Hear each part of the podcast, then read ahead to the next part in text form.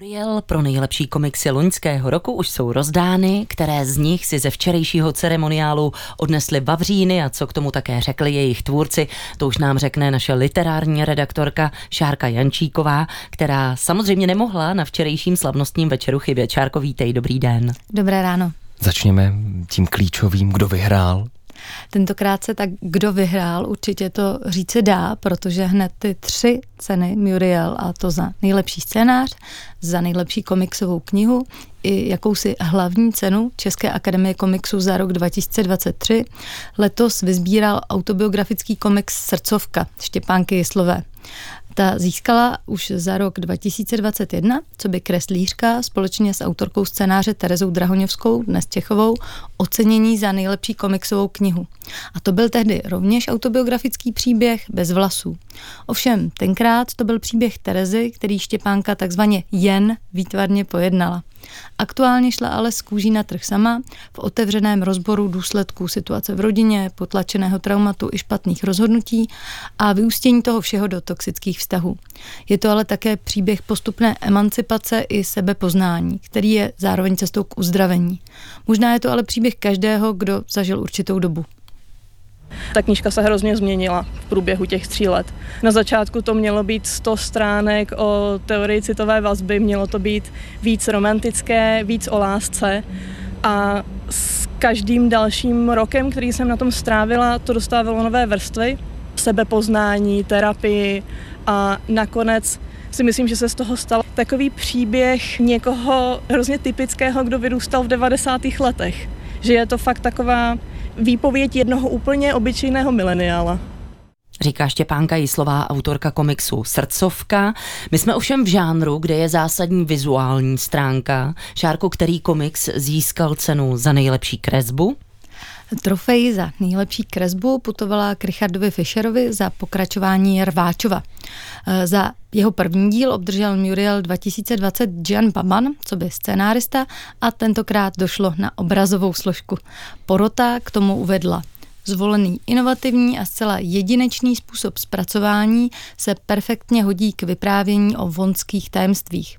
Fischer podává svůj zatím nejlepší výkon a tak se čtenář lépe propadá hloub a hloub do vrstev koláže i samotného vyprávění. A ten specifický způsob zpracování i svůj autorský vývoj po ceremoniálu kreslíř pro posluchače také okomentoval. Ve zkratce se skici přenášejí na ty vybrané papíry, které se potom rozřežou, slepí se zpátky do toho původního módu a pak se to překrývá kresbou, která je jenom černá, takže ono to je plnobarevný, ale vlastně to je jenom pérovková kresba celý. Všude se po bytě vály ručičky, nožičky, odpadlí a podobně, takže je toho odpadu hodně všude. Největší problém byl dělat ty nadhledy, protože se to blbě překresluje a představuje. Dokud se nenašel Google Maps, tak to bylo dost složitý, to dost pomohlo. Ruka se vykreslila samozřejmě, protože jsem na tom strávil asi 8-9 let od úplného začátku, takže ten posun je pochopitelný, protože to bylo hodně práce. No. To uvedl Richard Fischer, který si odnesl ocenění za nejlepší kresbu v komiksu Rváčov 2. Co Šárko, komiks určený dětem? Tak z té nominované trojice, kde byla ještě strastiplná robotí existence a prašina podivné procházky, v této kategorii nakonec zabudovala kniha sestavená z příběhů očiš, otištěných původně v časopise Raketa o nejrůznějších dobrodružstvích netradiční dvojice Matilda a Růžový vlk. Eh, po všech stránkách zvládnuté nápady překypující a efektivní, po každé zabaví a překvapí. Takhle nějak má vypadat dobře promyšlený a brilantně realizovaný seriál pro mladší publikum, uvedla k tomu porota.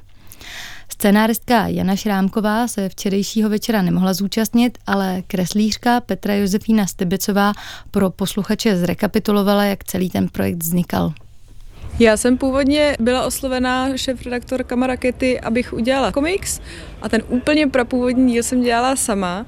Nicméně pak jsme všechny tři usoudili, že scénář není úplně moje silná stránka, tak právě mě dali dohromady s Janou a to už postava Růžáka a Matilda byly vymyšlený, včetně vizuální podoby. Na základě pradávných vzpomínek z dětství, kdy táta si vymýšlel pohádky o růžovým vlkovi. Něco jsem si trošku pamatovala, něco jsem si prostě vymyslela sama, protože nikdo si to nepamatuje takže jsem měla daný, že ten růžák je takový dobromyslný tlustý růžový vlk, co rád jí a je to takový správňák, ale zároveň lenoch. A ta Matilda je taková skautka, zapálená pro dobrodružství, pro dobrou věc. Takže potom jsme pokračovali s Janou, že já na první schůzce jsem jí říkala tyhle ty hrubé charakteristiky a pak Jana krásně jim vdechla duši ještě, že vždycky ty i byť krátký příběhy mají poentu a vtip a byla jsem z té spolupráce nadšená. Tolik kreslířka Petra Josefína Stybicová ke komiksové knize pro děti Matilda a Růžovej vlk, za kterou spolu s Janou Šrámkovou včera získala komiksovou cenu Muriel. Všechny ceny probrat nestihneme, jejich celkem 11, ale přehled najdete na webu vltava.rozhlas.cz. Je tam taky velký rozhovor nebo rozšířený rozhovor s oceněnou Štěpánkou Jislovou. Podrobnosti o cenách Muriel jsme probrali s naší redaktorkou Šárkou Jančíkovou. Děkujeme za návštěvu, hezký den. Přeji hezký den.